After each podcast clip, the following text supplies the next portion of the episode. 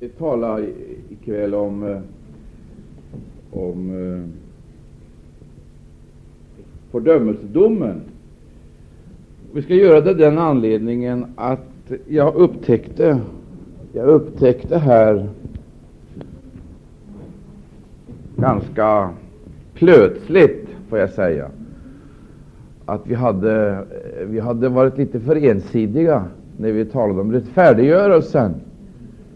Därför att rättfärdiggörelsen kan ju inte bli meningsfull innan vi ser rättfärdiggörelsens motsats.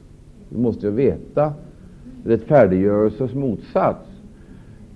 Och så tänkte jag faktiskt i mitt stilla sinne, hur är det egentligen med eh, balansen i vår förkunnelse överhuvudtaget?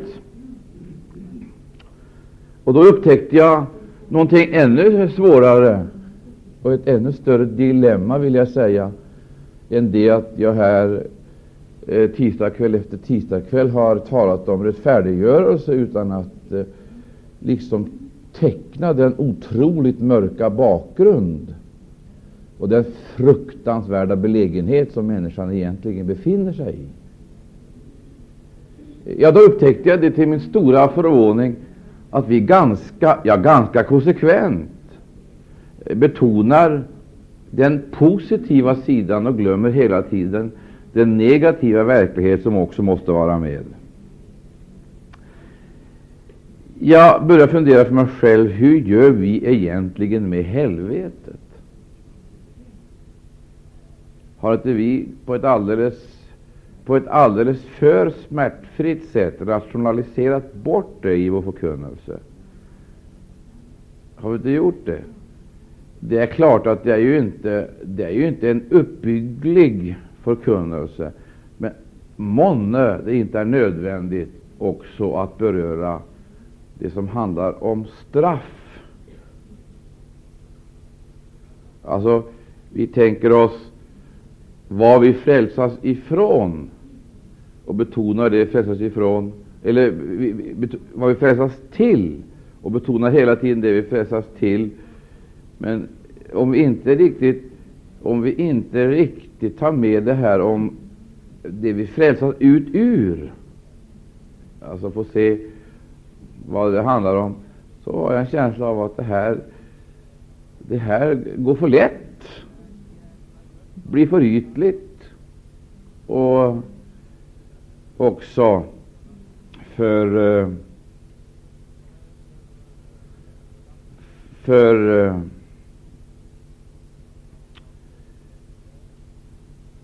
oäkta.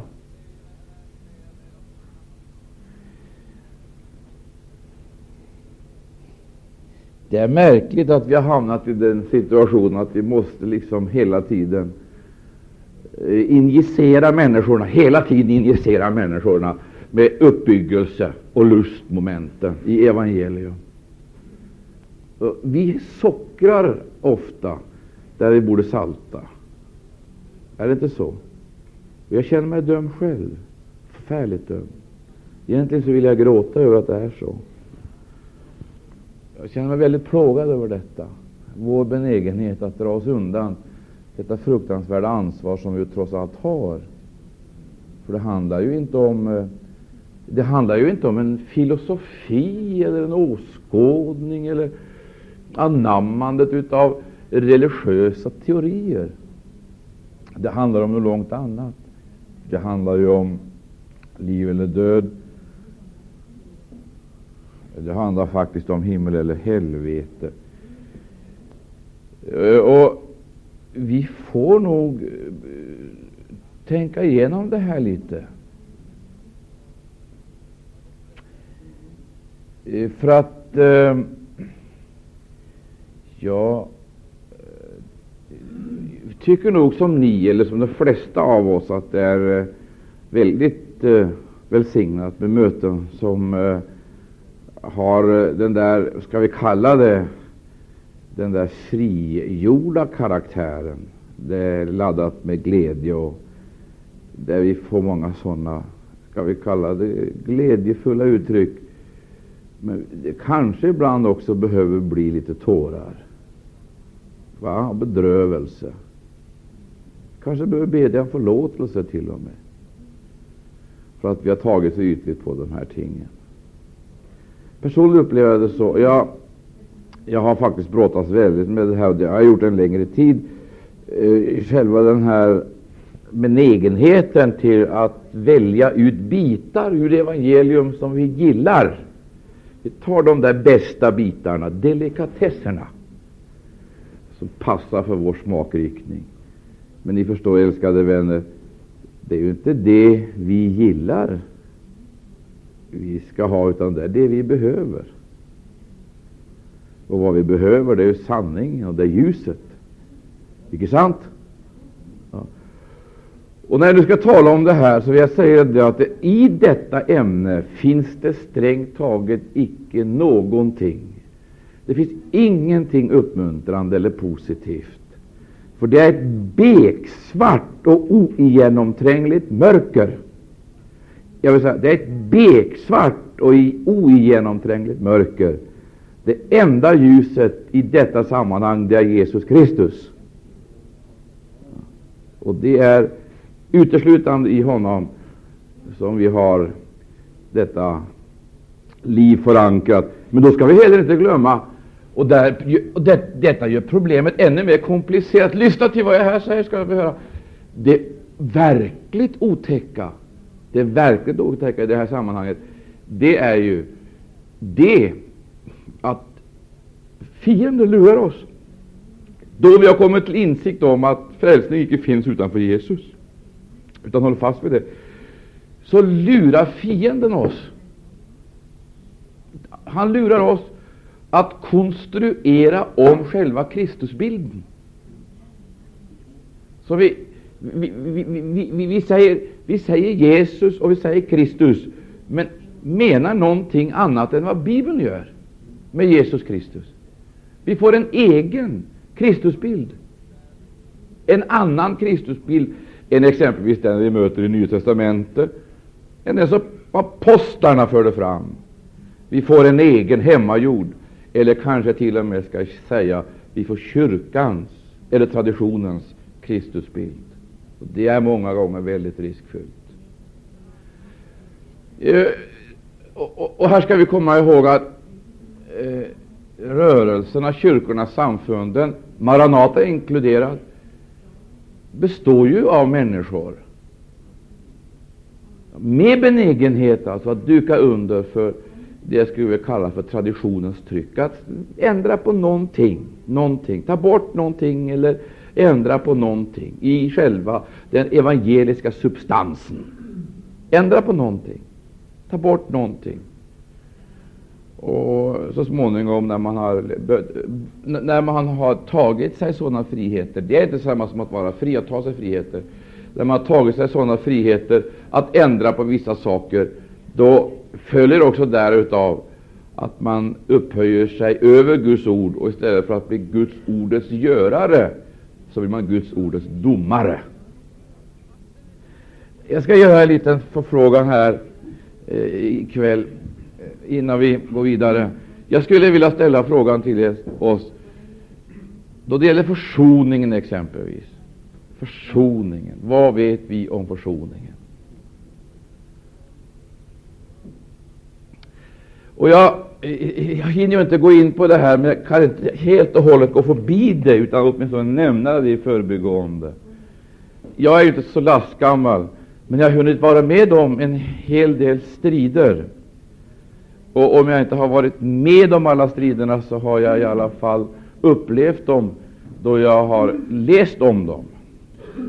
Och i vårt sekel eh, så har det förts en hel del strider i teologiska frågor. Det har varit väldigt hälsosamma strider, så vi ska inte tro att alla strider är förödande. Det har egentligen varit väldigt hälsosamma strider. Och jag ska helt schematiskt, och som helt schematiskt teckna upp det. Och det här är en liten parentes som jag gör här för att eh, vi ska förstå att här ligger det väldiga laddningar och värderingar, uppfattningar som alltså bryts emot varandra. Och det gäller för oss att verkligen ta reda på vad Guds ord säger, så vi känner till Guds ordet. Detta är Guds ord, och det är det vi vill förkroppsliga. Vågar vi, vågar vi börja med den här andedopstriden? I början av det här seklet.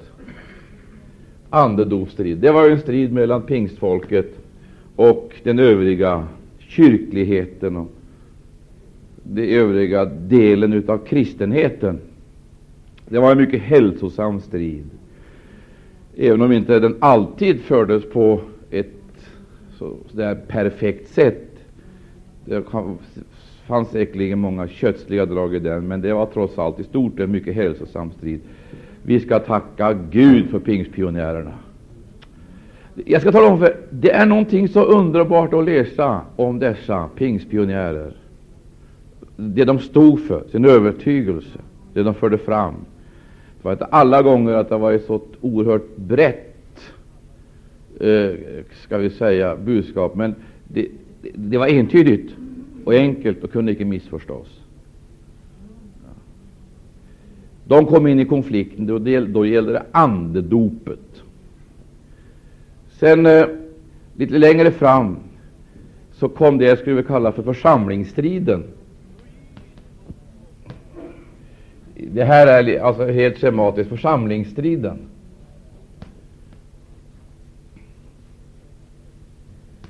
Den förde dels mellan pingströrelsen och den övriga kristenheten, men också i mycket stor utsträckning inom pingströrelsen.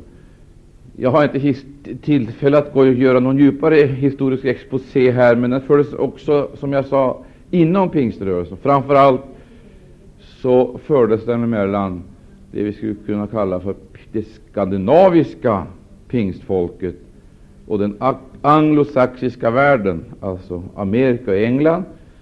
Det var så här att pingströrelsen växte och man stod inför organisationsproblemet i Amerika, där där centraliserades ju rörelsen i en eh, organisation, eller flera organisationer. Så småningom var de ganska många till antalet, 20-25 olika pingstriktningar. Förmodligen finns det i Amerika för närvarande mellan 50 och 60 pingstriktningar. Men eh, då vid den tidpunkten då var det fråga om församlingsstriden, och då hävdade man i Skandinavien i Skandinavien hävdade man att församlingen icke fick organiseras eller fick sammanföras i olika eh, centrala organisationer. Församlingen var en fri och skulle behålla sin lokala särprägel och suveränitet. Det var också mycket betydelsefull sak, mycket betydelsefullt. Eh, det ska vi inte glömma. Det var kolossalt betydelsefullt. Och det eh, var väl också så att eh, just genom det att man i Skandinavien hävdade den fria och den lokala församlingens suveränitet lyckades att eh, eh, lyckades verkligen med missionen på ett alldeles speciellt sätt. Det vill säga ansvaret för missionen decentraliserades till församlingar och grupper som fick ta ansvaret för sina egna missionärer. Man hade alltså ingen organisation över som kunde agera fadder eller eh, ställföreträdande. Senare så kom den striden som jag egentligen tänkte nämna om och som jag tycker är väsentlig. Och där, där ska jag testa oss i, i, ikväll i några minuter. Vad tror ni det är för strid? På 20 och 30-talet. Vad är det för strid? Va? Ja, vi kanske märkte den så, ganska sent. Den, den, den, den, kom naturligtvis tidigare, men försonings... Tänk, strid om försoningen. Det låter väl motsägelsefullt, men det var försoningsstriden. Har du hört talas om det, Stina? Va? Kan du tala om vad det handlar om då? Den striden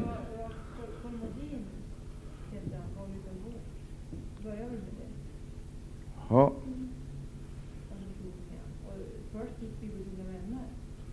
Ja. Försoningsstriden delade alltså EFS i två grupper. Det var evangeliska fosterlandsstiftelsen och bibeltrogna vänner.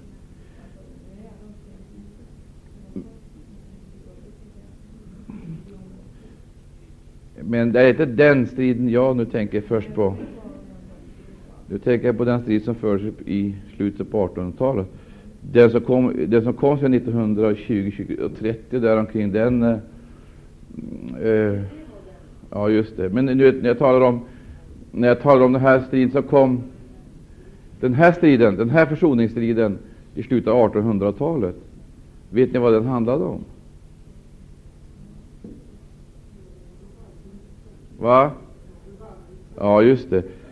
Och vad egentligen det jag skulle fråga om här, vad var det Waldenström predikade för någonting och förkunnade?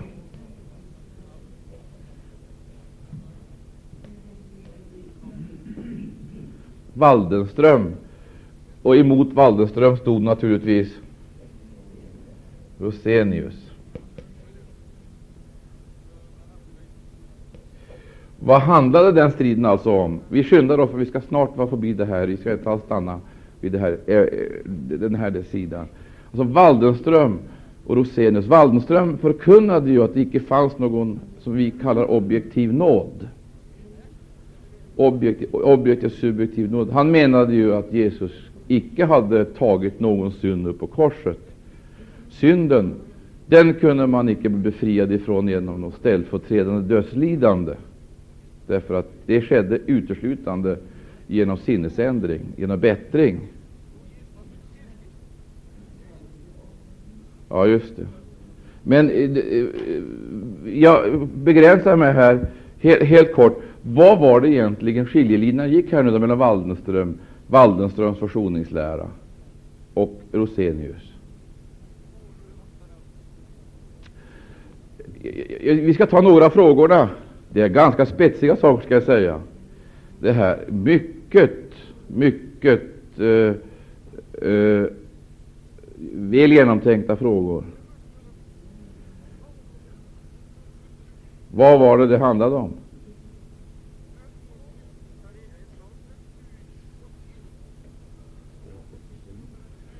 Jag ska ta jag, jag, har straffet på Jag ska ta ett enda uttryck. Och, och jag ska ta ett uttryck, och jag är helt övertygad om förvirringen här är ett faktum på ögonblicket. Jag ska ta ett ställföreträdande.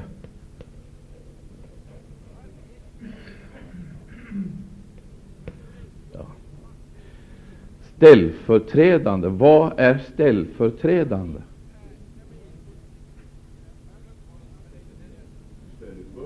Va? Ja. Vad sa Waldenström om detta? Ställföreträdande dödslidande. Vad sa Waldenström? Va? Ja, han talade om ja, blodsteologin, äcklig blodsteologi. Sen så sa han några mer, något, någonting mera. Äcklig blodsteologi. Så sa han, det var ju, det var ju frågan om Guds vrede, om blodet kunde blidka eller förändra Gud. Så blodet kunde påverka Gud i någon riktning, kunde alltså Gud förändras.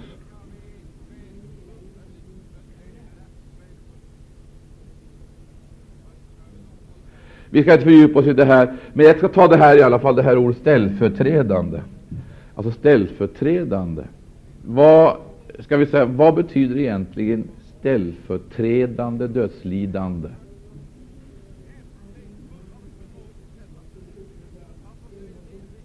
Va? Ja, men där säger Wallenström så här. Han säger så här att han har, han har dött, säger han, för oss.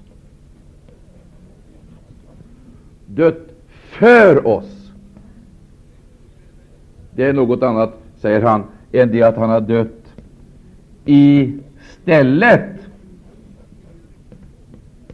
för oss. Och nu är förvirringen ett faktum. Vad är det för skillnad att han har dött för oss och han har dött istället för oss? Kan du tala om för mig det? Vad är det för skillnad på det? Va? Ja, men vi tänker efter nu. Vad kan det vara för skillnad mellan detta att han har dött istället för oss och att han har dött för oss? För det är en avgörande fråga. Och det var egentligen här man diskuterade. Man diskuterade så våldsamt den här frågan så Georg Gustafsson i Nyhemsveckan en gång, någon gång under 90, någon gång under 30-talet, 90-talet sa jag, någon gång under 30-talet. Va? Jaha. Då var det inte mycket att ta sen inte. Nej.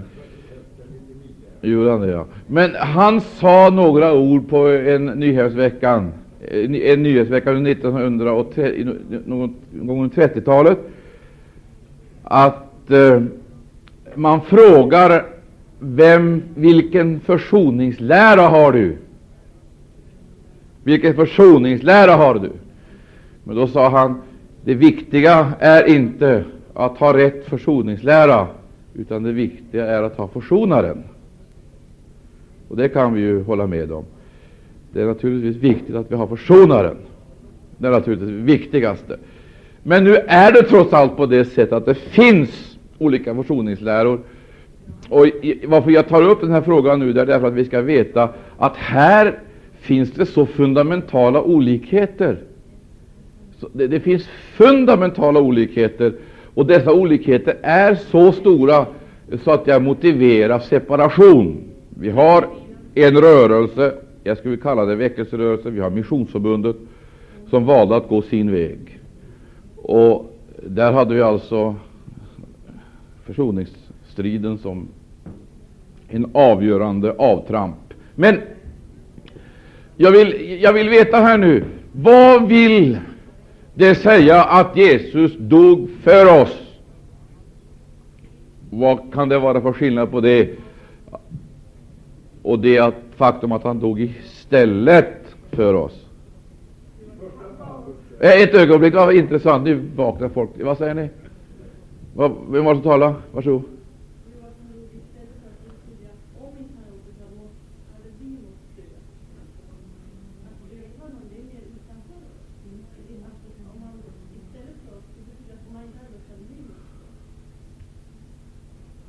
Jaha. Ja, jag, jag, jag, ska, jag, ska, jag ska tänka på det där ett litet ögonblick. Hör Varsågod där uppe, broder. Där. Ja.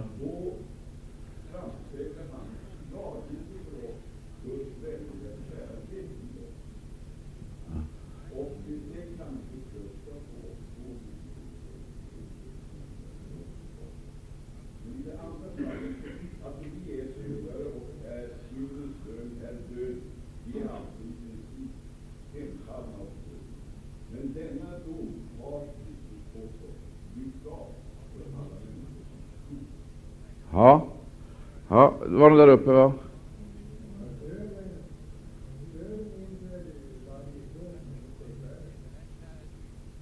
Va, vad säger han?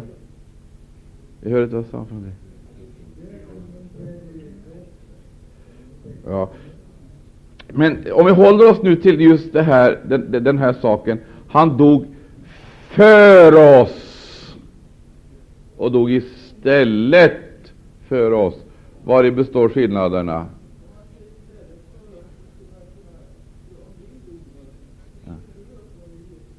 Ja, där, där, kommer, där, där har vi det. Alltså Du säger här, Marcus, att om inte han hade dött, så skulle vi ha dött. Men då kräver ju logiken det, att då skulle vi genom vår död ha uppnått samma sak som Jesus gjorde genom sin död. Om, om nu Jesus dog istället för oss, då skulle vi kunna dött och uppnått samma frälsning. Men då han för oss, säger Waldenström, då är situationen helt annorlunda. Och så är vi förvirrade.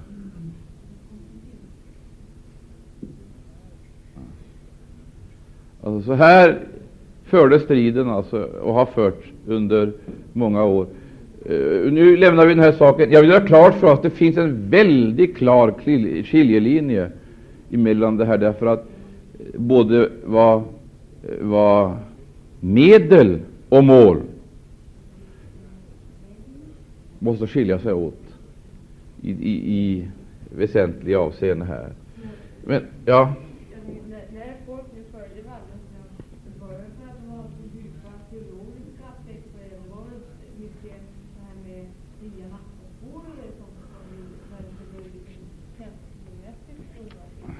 Det som var en bidragande orsak var församlingsstriden. Alltså det, var det som tillsammans med försoningsstriden kom församlingsstriden att vara avgörande. Man samlades alltså i fria församlingar och hade eh, det vi skulle kunna kalla för fria eh, nattvardsgudstjänster utanför kyrkan. Det var en hel del sådana Men vi lämnar den här saken. Jag bara vill peka på att så har det Eh, så har det böljat fram och tillbaka under tiden då väckelsens vågor gick höga.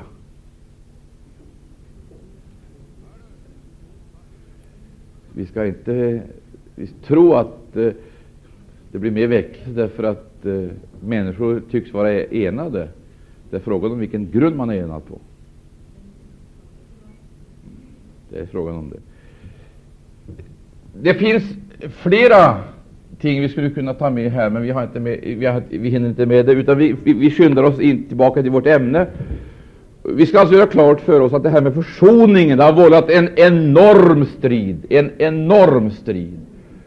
Och ut ur den här striden så har det kommit kolossalt mycket gott, mycket underbart, därför att det är ett faktum att det skärpte, eh, det skärpte vittnena, förkunnarna. Och det var ju vittnen och förkunnare som studerade försoningen i månader, i år. Och vi fick fram alltså en eh, underbar och härlig försoningsförkunnelse som vi ska tacka Gud för. Och den förkunnelsen behöver vi ha tillbaka. Den behöver vi ha tillbaka. Och då står det klart för oss, det, det är vi väl eniga om allesammans, det är vi väl ganska eniga om allesammans, att förr i tiden, det, det är väl ingen som förnekar, förr i tiden så talade man mycket mer om fördömelsen, om straffet, om helvetet än vad man gör idag. Stämmer inte det? Kan ni svara mig på vad det beror på? Kan ni svara mig? Vad beror det på? Alltså, förr i tiden så talade man mera om fördömelsen, alltså om straffet och om helvetet, än det man gör idag.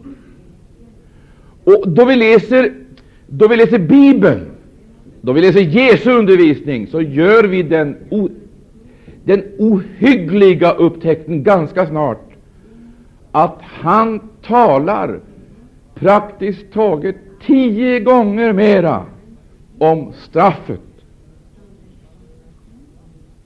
än han talar om räddningen.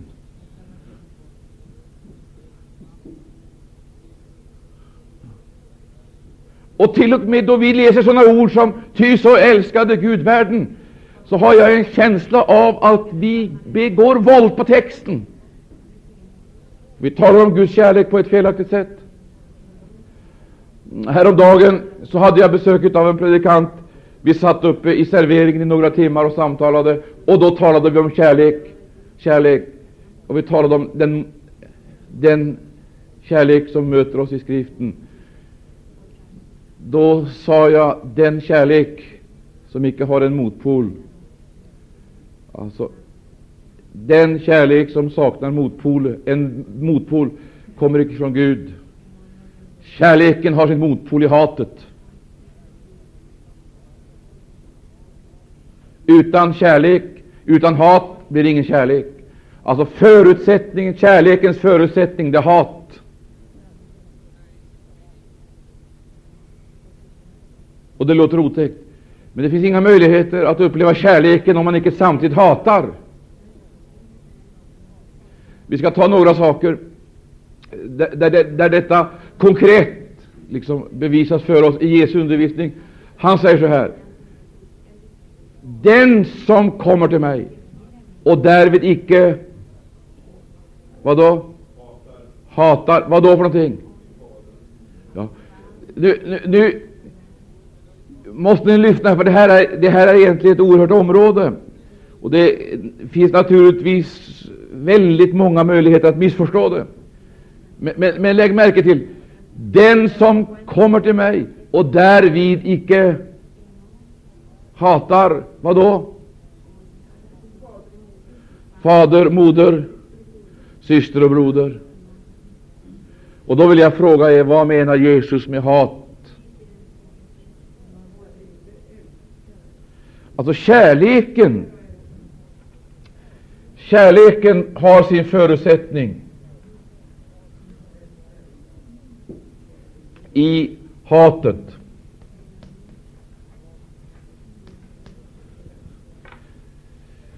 I Hebreerbrevet, där sägs det, i Hebreerbrevet, i det första kapitlet, där ser vi Jesus,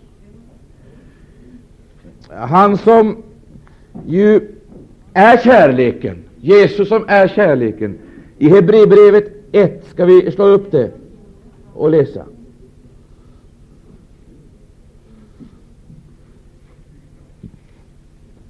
Hebreerbrevet 1.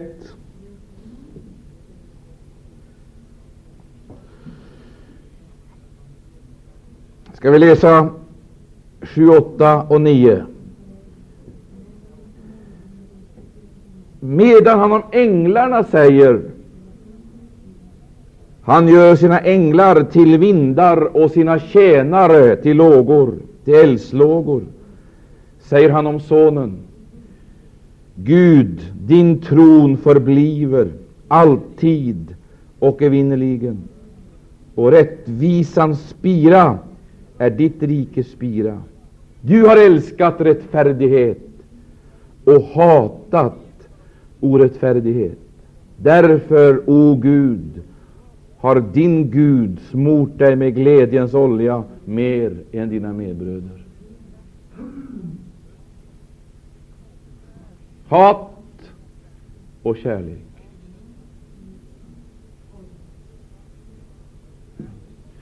Vi ska läsa eh, ytterligare ett ord ifrån Jesu mun. Han säger i Matteus evangelium, det tionde kapitlet, i Matteus 10,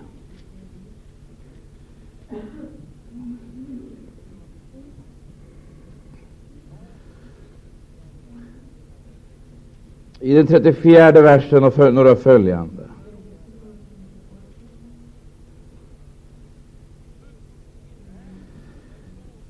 Där heter det så här. I skolan icke mena, i skolan icke mena att jag har kommit för att sända frid på jorden. Jag har icke kommit för att sända frid utan svärd. Jag har icke kommit för att uppväcka jag, jag har kommit för att uppväcka söndring. Lägg märke till vad som står här. Och stryk gärna under just det här ordet. Jag har kommit för att uppväcka. Uppväcka. Det är alltså frågan om en väckelse. En söndringsväckelse.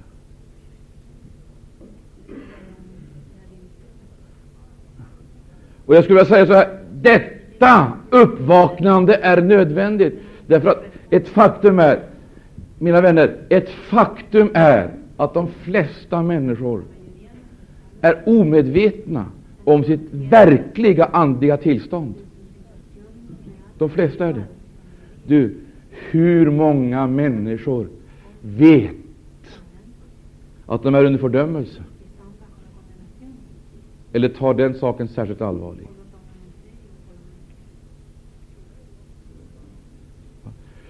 Det gäller om människor ute i världen.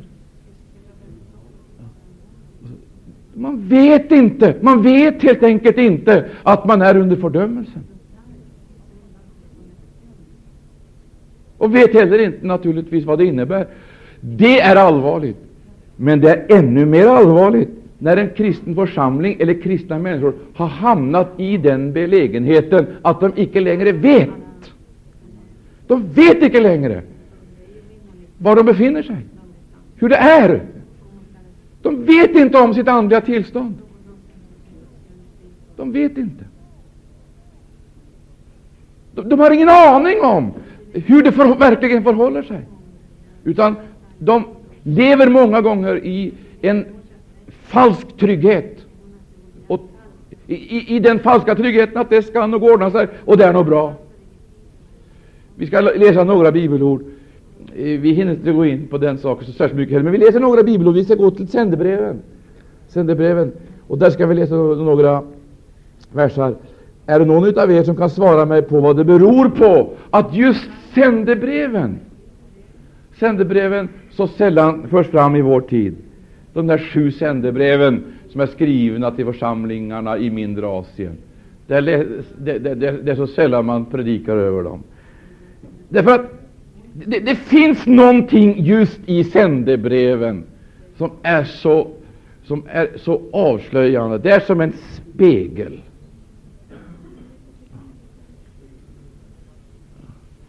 Eh, som speglar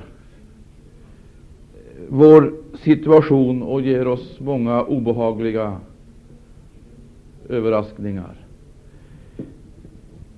Just i sändebreven, där, där läser vi några ord i tredje kapitlet, i Uppenbarelsebokens tredje kapitel. Där läser vi den första versen. Skriv till Sardes församlingsängel. Så säger han som har Guds sju andar och de sju stjärnorna. Jag känner dina gärningar. Du har det namnet om dig att du lever, men du är död. Om vi vill använda oss av moderna uttryckssätt så skulle vi kunna tala om en församling med god vill, en församling med en utomordentlig image, goodwill. Den var känd för sina gärningar sin, sin filantropi, sin, eh, eh, sina insatser på sociala planet.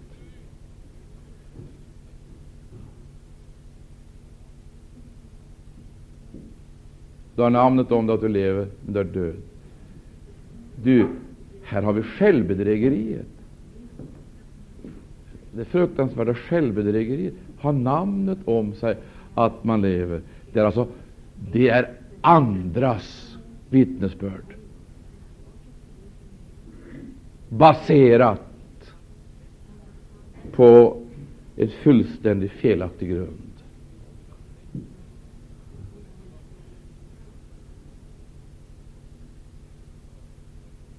Frågan är ju inte om våra fäder levde. Eh, tidigare, tidigare generationer levde. Frågan är ju om vi lever, om du och jag lever. Vi ska läsa ytterligare ett, eh, några verser i det här kapitlet.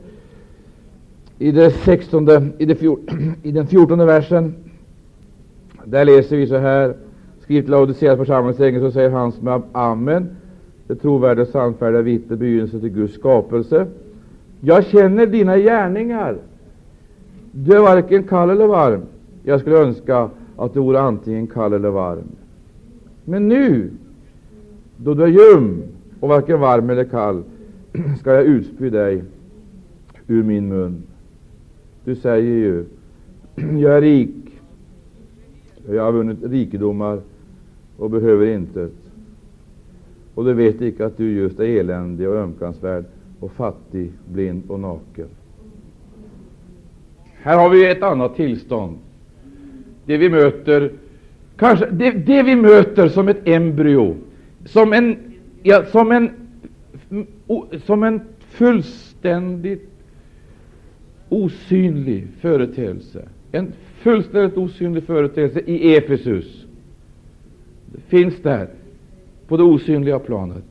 Alltså, du har vad då? Du har förlorat vadå? Din första kärlek. Alltså, din första kärlek.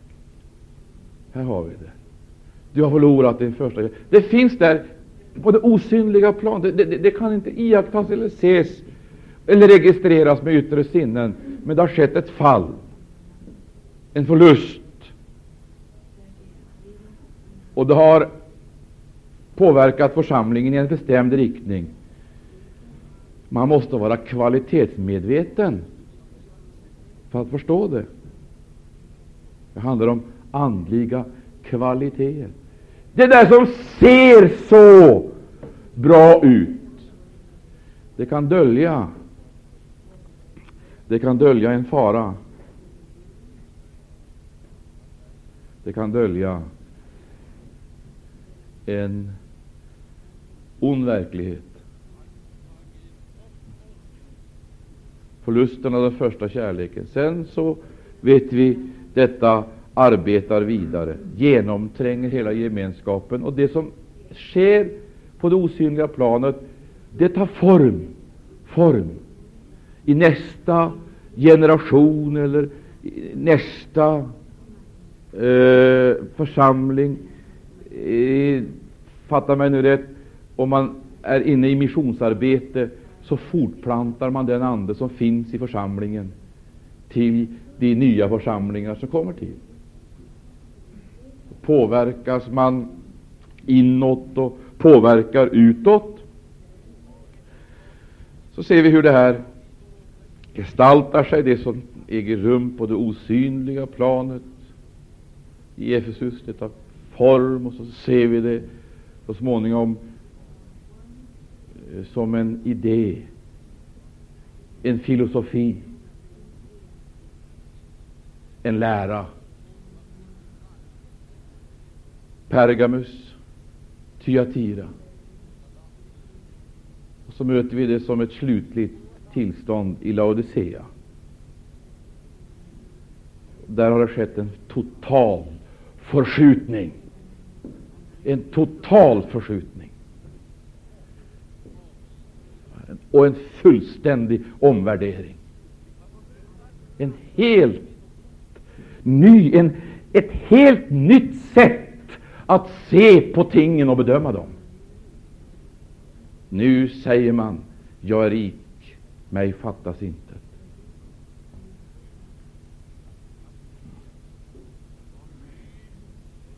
Medan himmelen förklarar, du är fattig, ömkansvärd, och så vidare. Och så heter det, så råder jag dig då att du köper av mig. Och vad upptäcker vi? Det handlar om gudomliga kvaliteter, förlusten utav gudomliga kvaliteter. Och därför vill jag säga till oss allesammans, kom ihåg en sak, att det är ingen borgen för vår frälsning att vi är med i en verksamhet, icke ens i en livlig verksamhet. Det är ingen borgen för vår frälsning att vi deltar i bibelstudier eller studiecirkelverksamhet. Det är ingen borgen för vår frälsning att vara med i kör, orkester, strängmusik eller gospelgrupper. Det är heller ingen borgen för vår frälsning att vi är aktiva inte ens i det som kallas för själavinnande. Det är ingen borgen för vår frälsning. Och det är definitivt ingenting som kan garantera frälsningen, att vi har namnet så att säga inne i en matrikel. Absolut inte.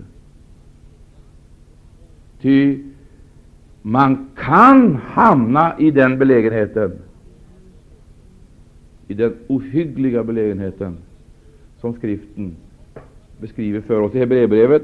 Och jag ska ta upp den här saken, även om den är fruktansvärd. Och jag bevar när jag gör det. Jag tycker det är fruktansvärt. För ett faktum är att om vi läser skriften så upptäcker vi denna närvarande andemakten, hur den kan bryta sig in i församlingen, i gemenskapen och upplösa och underminera tron. Och då tron är underminerad, och jag höll på att säga suspenderad, så kommer det här, det, det, det här otroliga kompensationsbehovet. Då kompenserar man sig på olika sätt med andra ting som ser, jag höll på att säga kristna ut, och som kristnas. Det kan vara kulturaktiviteter, det kan vara filantropisk social aktivitet, det kan vara mission, det kan vara vad som helst.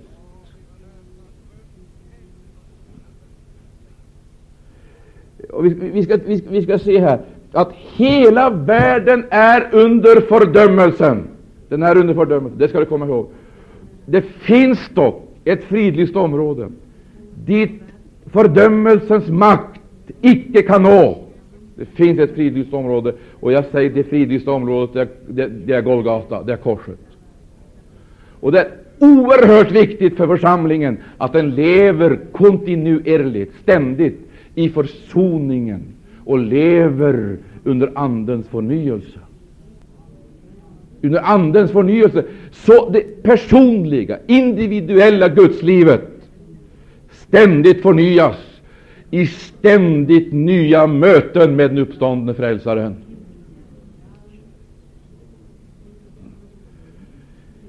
Vi ska se, vi ska gå till Hebreerbrevet. Jag har nämnt det här någon gång tidigare eh, utan att gå in något djupare på det. Men vi ska läsa i Hebreerbrevet.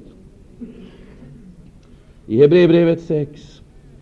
Där möter vi ju, jag skulle vilja säga något utav det jag skulle vilja säga något av det mest fruktansvärda vi har överhuvudtaget i Nya testamentet finns här. Det finns här. Jag, jag, tror att det är det mest fruktansvärda kapitel som överhuvudtaget finns i Nya testamentet. Det heter i Hebreerbrevet 6 så här. Första versen. Låt oss därför lämna bakom oss de första grunderna av läran om Kristus och gå framåt mot det som hör till fullkomningen. Låt oss icke åter lägga grunden med bättring från döda gärningar och med tro på Gud. Vi lägger märke till vad som står här. Och Vi håller kvar det här bibelrummet eh, och går till Första Korinthierbrevet 10. Vi lägger märke till vad det handlar om. Låt oss därför lämna bakom oss de första grunderna av läran om Kristus och gå framåt mot det som hör fullkomningen. Det som tillhör fullkomningen. Låt oss icke åter lägga grunden med bättring från döda gärningar och med tro på Gud. Och med tro på Gud. Så går vi till Första Korinthierbrevet 10. Första Korinthierbrevet 10.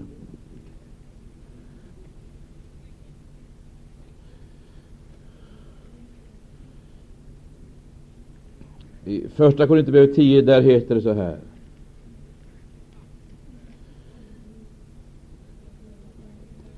Från första versen. Ty jag säger är det detta, mina bröder.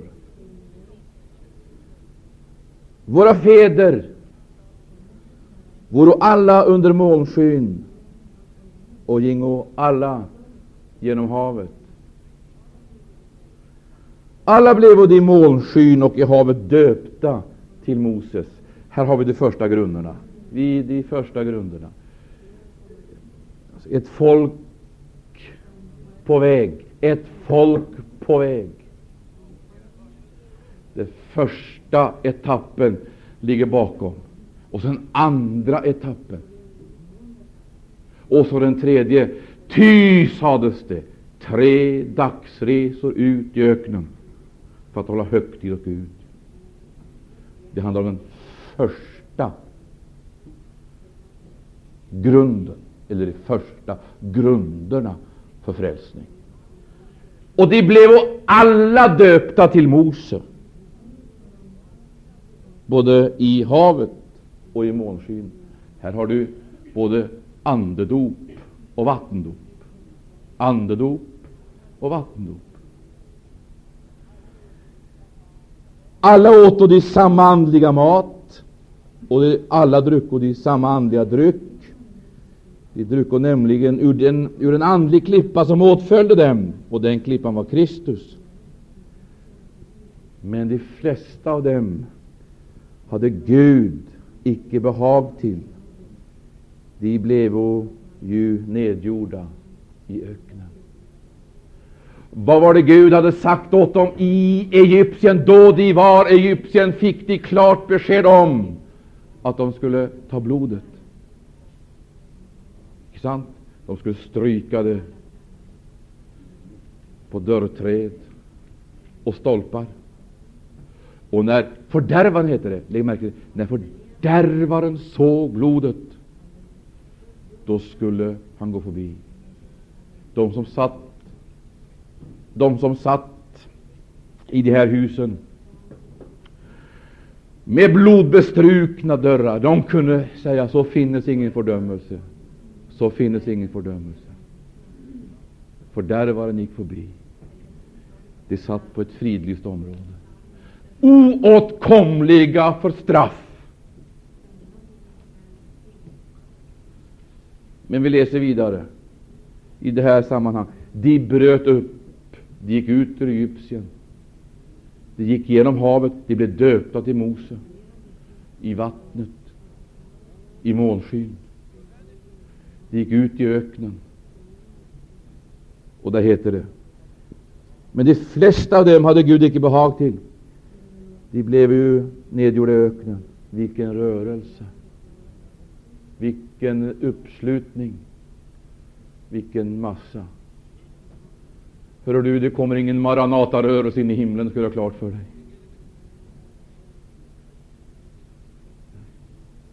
Vi kommer inte dit in i kollektiv. Utan det är de som är i Kristus. För, för ordet säger så här han kommer för att hämta dem som hör honom till.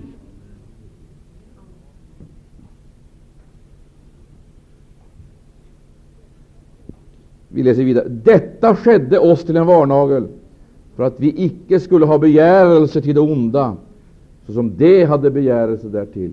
Och här ska vi komma tillbaka till just det där uttrycket, icke hava begärelse till. Och här möter du de där två sakerna igen, hat och kärlek hat och kärlek.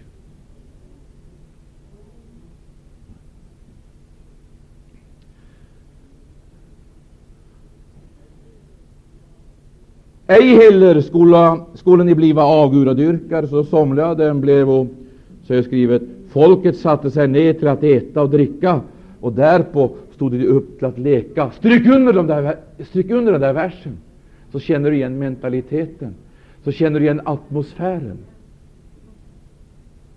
Stryk under den! Du, du, du lär dig kolossalt mycket just genom att se de här stickorden. Eh, du upptäcker att där fanns det en speciell atmosfär. Mm, ett eh, utslag av det som egentligen rörde sig i deras inre. Folket satte sig ned till att äta och dricka, och därpå stod de upp till att leka. Låt oss icke heller bedriva otukt, som somliga av dem gjorde varför och 23 000 föll på en enda dag? Och så kommer det här märkliga uttrycket. Jag vill ställa frågan till er.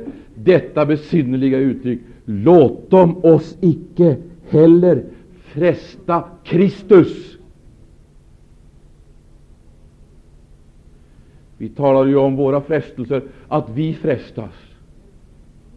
Men här står det att vi uppträder som frestare och vi frestar Kristus. Och nu vill jag fråga er, hur kan vi fresta Kristus?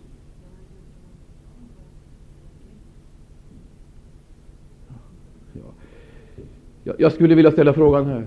Hur kan vi fresta Kristus? Låt dem oss icke, låt dem, låt dem oss icke heller fresta Kristus. Kan vi fresta Kristus? Hur gör man det?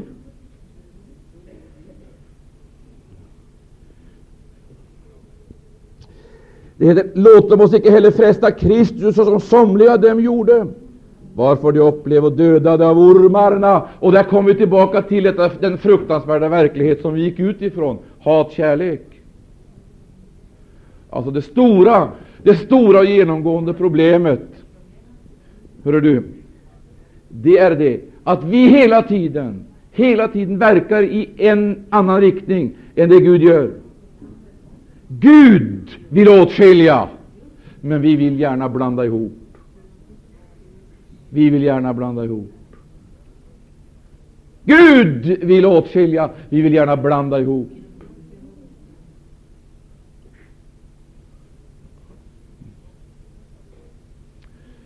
Och hur kan vi fästa Kristus? Låt oss ta ett annat uttryck som vi möter i Jakobs brev, är det väl, där det talar om vänskap och fiendskap. Vänskap och fiendskap.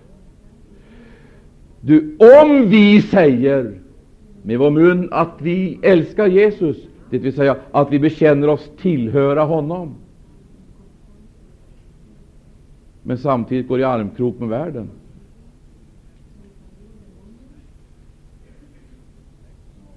så lever vi i en dualism som det icke finns några som helst möjligheter att överbrygga.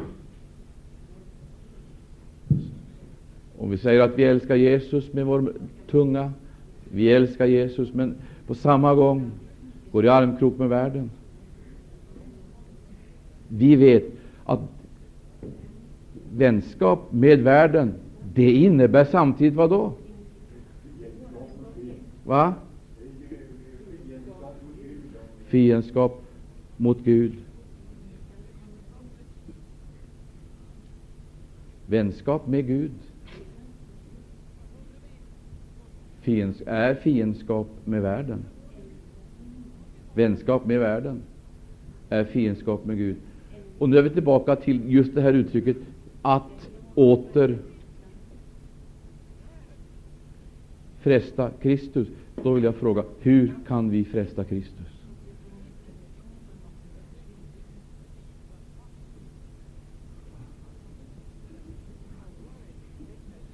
Kan du tala om för mig hur man kan göra det?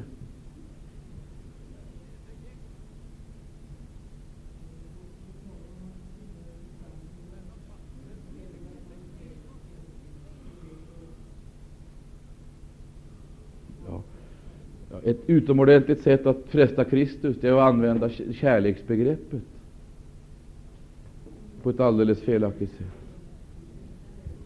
Att med kärleksbegreppets hjälp liksom integrera världsliga ting och kristna det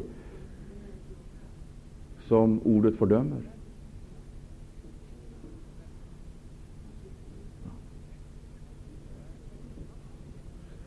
Det kan vi göra på ett lättvindigt sätt. Och jag ska, jag ska tala om för er en sak. Ni ska komma ihåg en sak. Det, det, finns saker och ting som vi vet är förbjudna. Man kan inte så att säga bejaka detta och samtidigt vara en kristen. Det vet vi. På det området så kanske vi är ganska klara på vissa punkter. Men det är inte det som kanske som, som vi dömer, som i och för sig är det allvarligaste. Utan det som är det allvarligaste, det är det som är legalt. Det är det som är, det som är tillåtet. Det, det, det, är det som är det farliga. Vi ska, jag ska ge ett, ytterligare ett exempel på det här. Men vi ska i alla fall läsa några verser till i Första Korinthierbrevet 10, och så ska vi se vad resultatet alltid blir. Vad blir resultatet då, så att säga, man står där som en färdig produkt? Alltså, man står där som en färdig produkt av en inre process, eller eh, som ett resultat utav en utveckling. Vad blir resultatet? Det heter de blev döpta till Mose. De blev döpta till honom. De drog ut i öknen. De drack ur en och samma andliga dryck en och samma andedryck, ur en och samma källa. Men det heter, de flesta av dem hade Gud icke behag till, därför så blev de nergjorda. Alltså, och där lägger du märke till, här kommer ju här kommer ju fördömelsens herravälde som en fruktansvärt nergörande makt in över Guds folk. som skulle vara fri från all fördömelse. Här kommer ju fördömelsens välde och manifesterar sig i en oerhörd vidräkning och uppgörelse med Guds eget folk, som skulle vara fri ifrån all fördömelse. Vi ska läsa några verser till. Låt oss icke heller fresta Kristus, som somliga av dem gjorde, varför de upplevde döda ormarna. Och då vill jag ställa frågan till er direkt här, vad gjorde man där ute i öknen när ormarna kom in? Som en påminnelse om fördömelsens herravälde. Vad var det man gjorde? Ja, det var vid det stadiet. Men vad var det man gjorde först? När ormarna kom in i lägret. Varför kom de?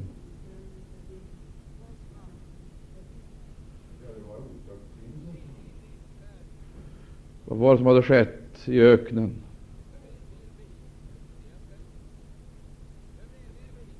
Vad var det som hade skett? Någon ska svara på det.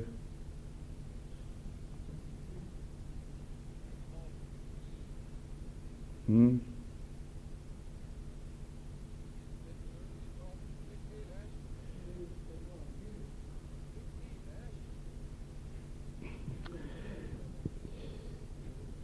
Ta reda på, mina vänner, vad som står. Läs det där för er själva. Begrunda det, vad som skedde där ute när ormarna invid, invaderade lägret och allesammans anfrättes av detta ohyggliga gift. Bilden på syndens makt.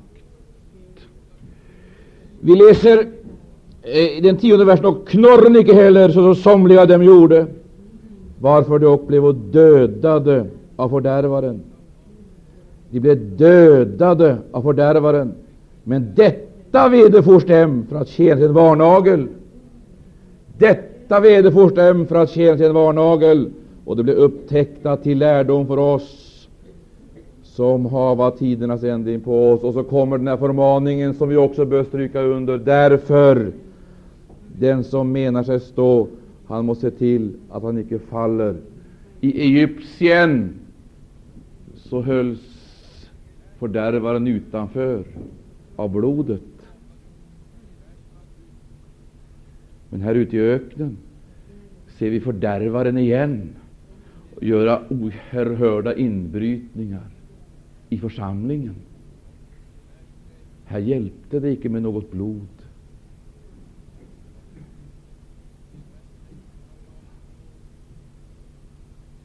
Man frågar vad är det som sker?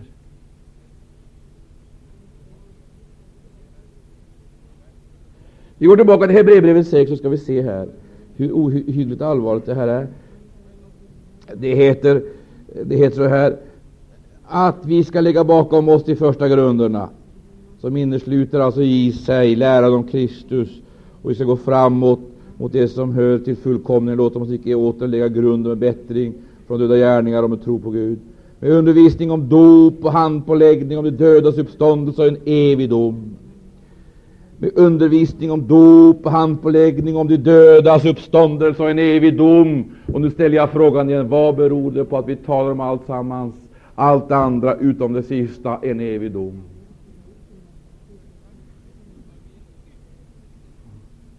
Och så heter det vidare, ja, detta vilja vi göra så framt Gud eljest tillsteder det, till dem till vilka ljuset en gång har kommit och som har smakat den himmelska gåvan och blivit delaktiga av, av helig Ande och som har fått smaka det goda Gudsordet som tillkommer tidsordens krafter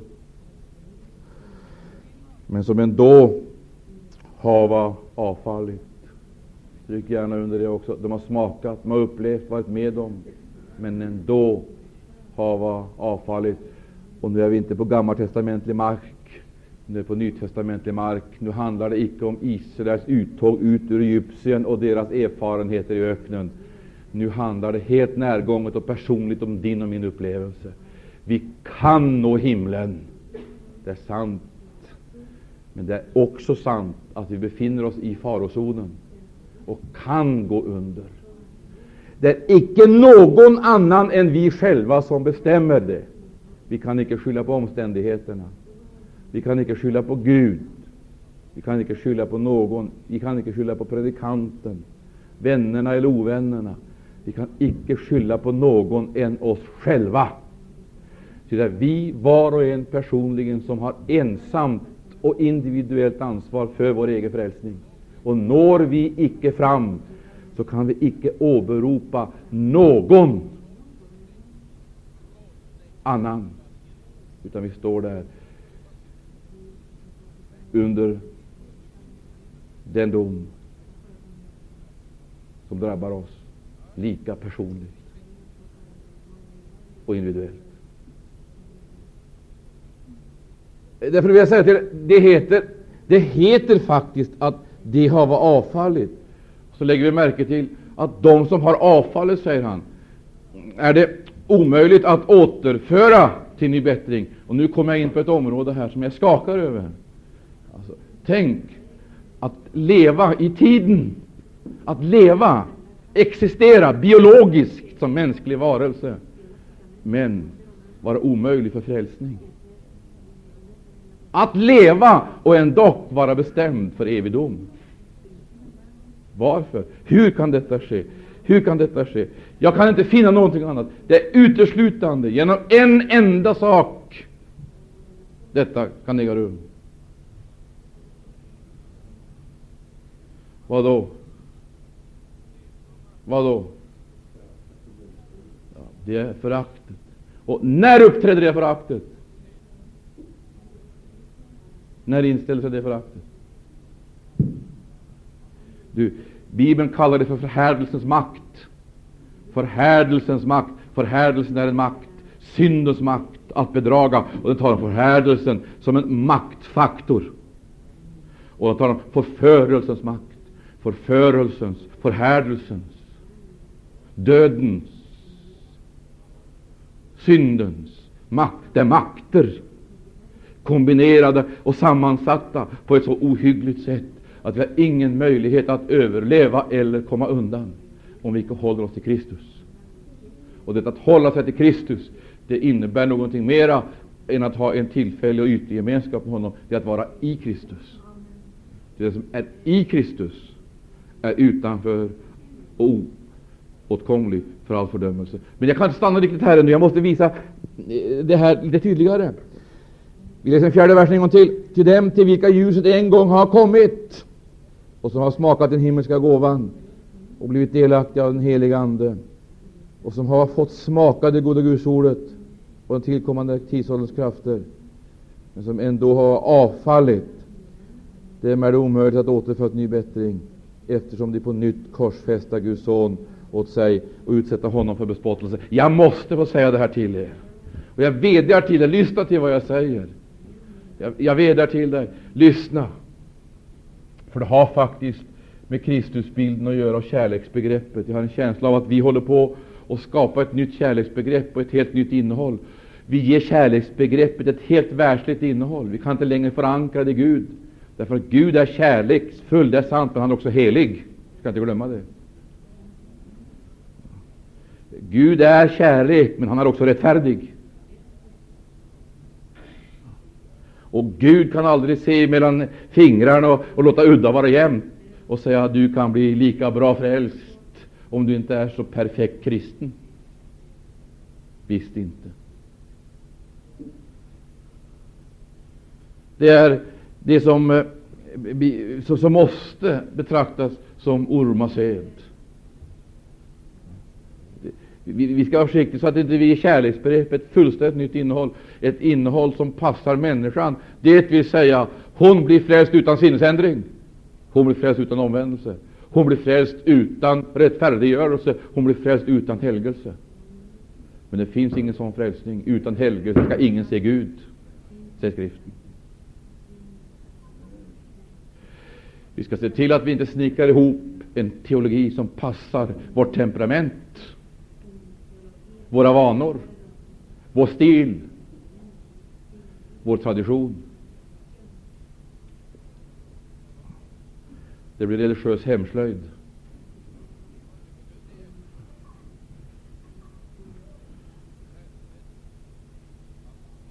Leder icke fram.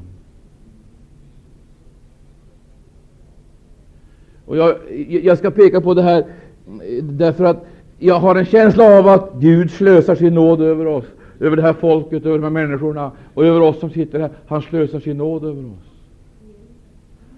Men nåden, det är ett medel som vi kan använda.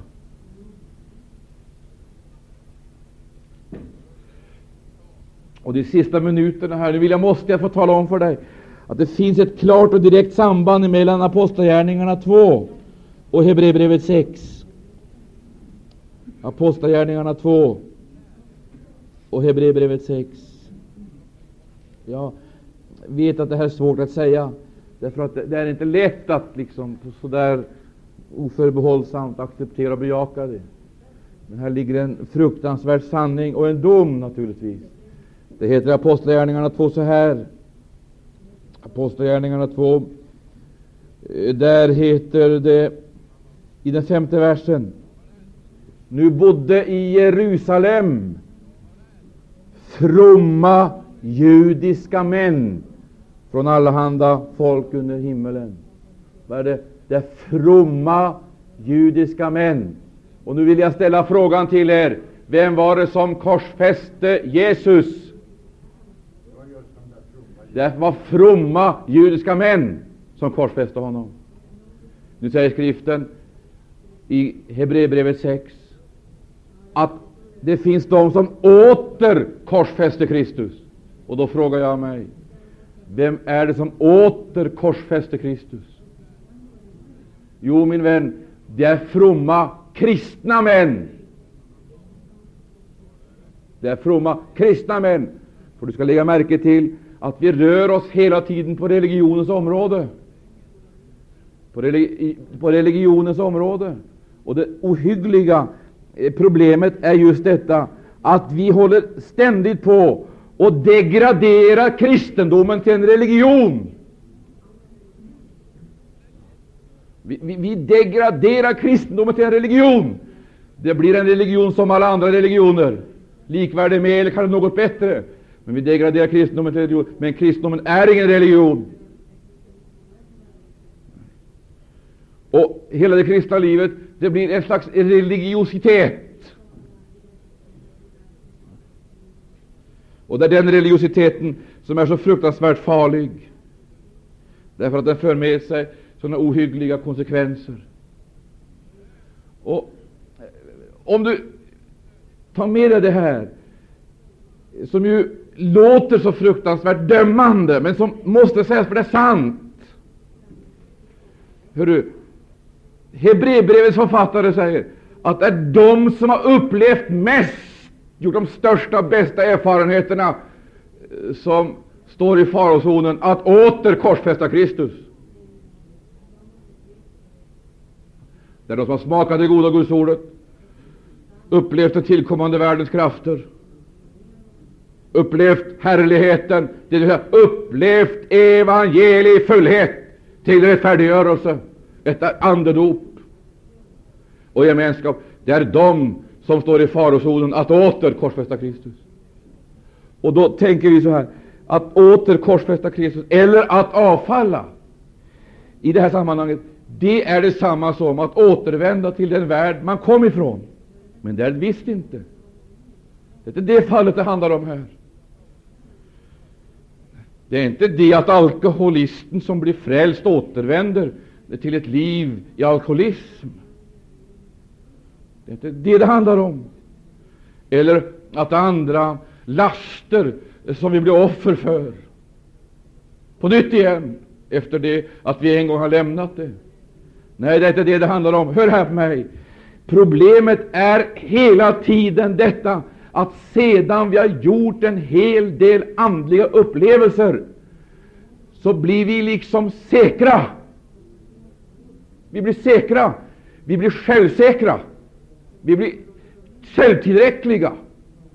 Och vi börjar igenom detta att föra in, jag skulle vilja kalla det för en, en smygande gärningslära.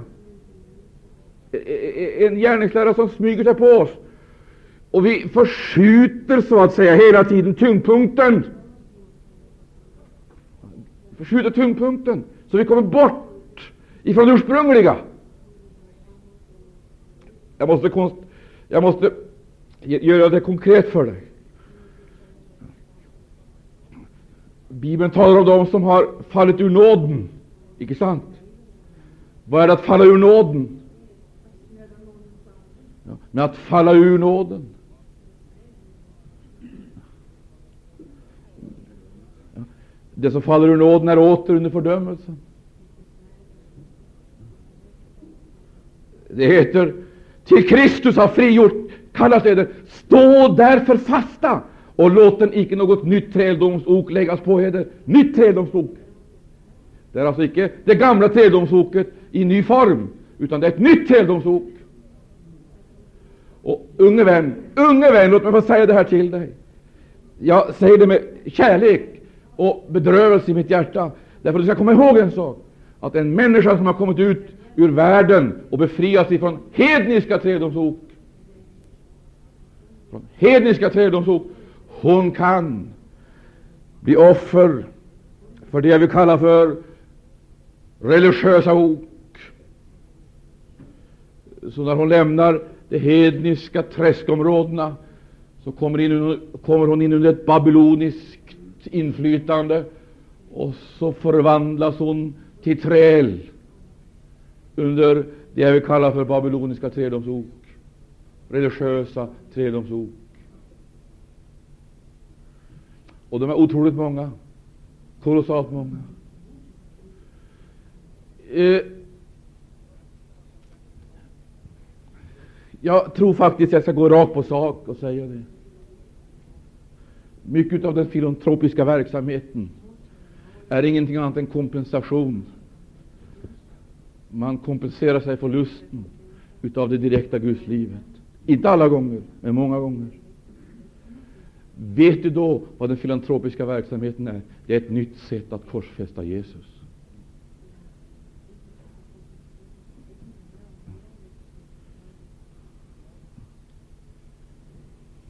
Vet du varför? Du lägger en ny grund för frälsningen, kommer utanför försoningens område och är på gärningarnas mark.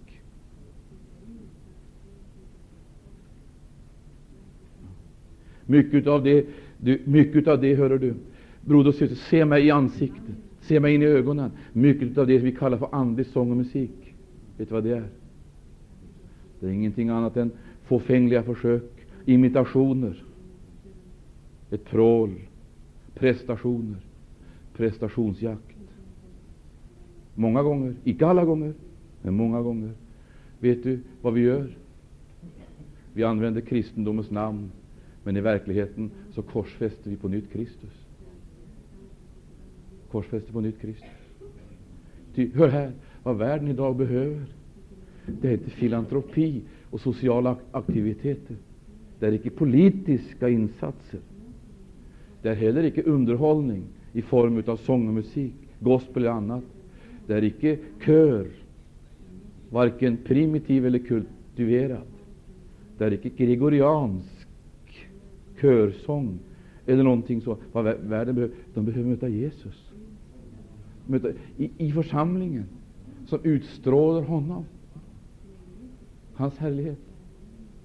I den direkta och omedelbara kontakten med honom och kanalisera vittnesbördet om honom på ett så närgående och direkt sätt så att man icke kan missförstå honom.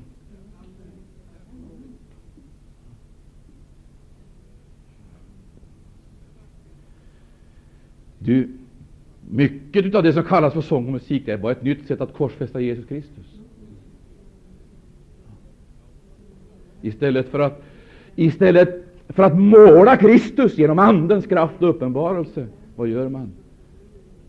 Så fördunklar man hans härlighet. Istället för att väcka människorna, uppväcka människorna, som vi läste här, så immuniserar man dem. Man påverkar deras sinne i rakt motsatt riktning. De får liksom en slags religiös vaccination.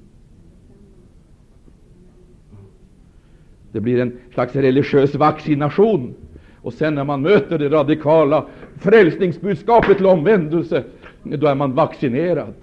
Och det tar inte. Man har på nytt korsfäst Kristus. Vad jag vill göra klart för dig, vi har nämligen en benägenhet att hela tiden försöka komma bort ifrån anstöten, den kristna anstöten. Och ja, vi gör allt vad vi kan för att dekorera och för att frisera och göra evangeliet tilltalande, vackert nästan, imponerande, skönt, fint. Vi får visserligen ett tilltalande budskap, men det är inte frälsande. Du kan värva proselyter på det, men det blir inga frälsningskandidater.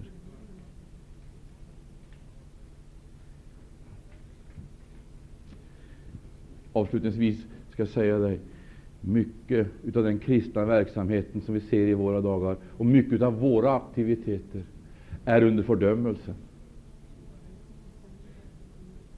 och kommer aldrig att kunna leda fram till aldrig att leda fram till något andligt liv. Nu heter det de ånyo korsfäster Jesus Kristus.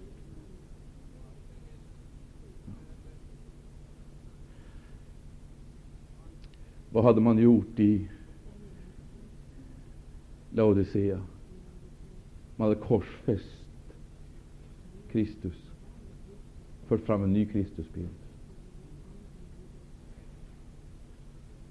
Vad hade man gjort i Sardes? Man hade korsfäst Kristus och fört fram en ny Kristusbild.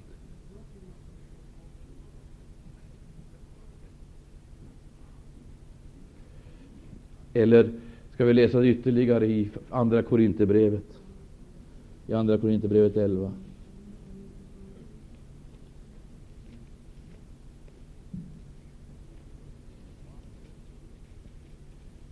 I Andra Korinthierbrevet 11.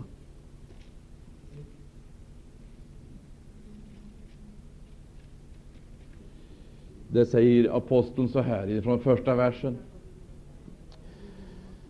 Jag skulle önska att de ville ha fördra med mig, om jag nu talar något lite efter dåra skett. Dock, I har en helt visst fördrag med mig. Ty jag nitälskar förräder eder, som Gud inte älskar, Och jag har trolovat eder med Kristus, och ingen annan för att kunna ställa fram inför honom en ren jungfru. Men jag fruktar att såsom ormen i sin illfundighet bedrog Eva, så skulle till äventyrs också edra sinnen fördärvas och dragas ifrån den uppriktiga troheten mot Kristus. Om någon kommer och predikar en annan Jesus än den vi har predikat, eller om vi undfår ett annat slags ande än den i förut har undfått, eller ett annat slags evangelium än det förut har mottagit och fördragen i ju sådant allt för väl. Hör du vad som står här? En annan Jesus. Stryk gärna under det. Ett annat slags ande. Ett annat slags evangelium.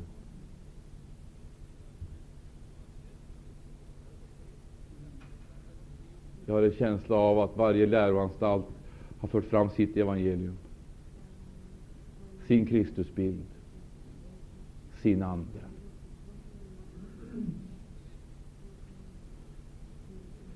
Vad ska vi göra?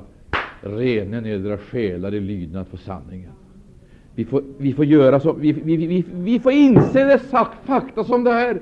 Vi kan inte gå till traditionen eller till lärosätena, teologiska fakulteter och fråga experterna eller specialisterna.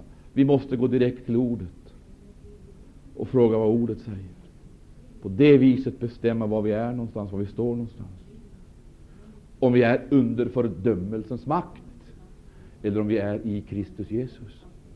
Skriften säger inte att vi ska gå till predikanten och fråga att vi ska gå till äldstebröder eller församlingsledning att fråga Skriften säger rannsaken är det själva, huruvida i ären i Kristus. Rannsaka dig nu om du är i Kristus Jesus. Ty om du är i honom, då är du utanför all fördömelse. Ära vare Gud och Lammet. Och ingen annan kan hjälpa dig fram till den visheten än Ordet och Anden. Vi tackar dig, kära Herre Jesus Kristus. Du har öppnat våra ögon för ditt eget ord. Du vet att vi lever i en värld så full av skådespel, religiös teater. Du ser också frestelsen hos oss att duka under för dessa krafter, fångas. Och kära Herre Jesus, bli ett med någonting som icke hör himmelriket till. Låt oss, låt oss förstå, Herre Jesus, vad det innebär att älska och hata. Att verkligen kunna bryta upp, Herre Jesus, ifrån det som ligger i vägen och hindrar oss att följa dig. Bryta upp, kära Herre Jesus, antingen det är de käraste och naturligaste band som binder oss och hindrar oss att gå din väg. Eller andra ting, kära Herre, i vårt eget liv, våra intressen, våra intressen som gör så många och oftast kolliderar med din vilja. Våra särintressen som vi så gärna vill vårda, odla. Och Jesus, då vi upplever att de inte kan besegras utav vår egen kraft, så vill vi gärna kristna dem och göra dem, kära Herre Jesus, till eh, ett med din vilja. Men du har sagt att det som är till spillogivet, det är under domen.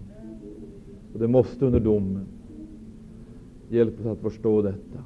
När svärdet, kära Herre Jesus, måste gå över ömma punkter i vårt liv och skilja oss ifrån det som du aldrig kan bejaka eller stödja eller välsigna. Vi vet, då vi förlorar allt så vinner vi allt. Då vinner vi dig.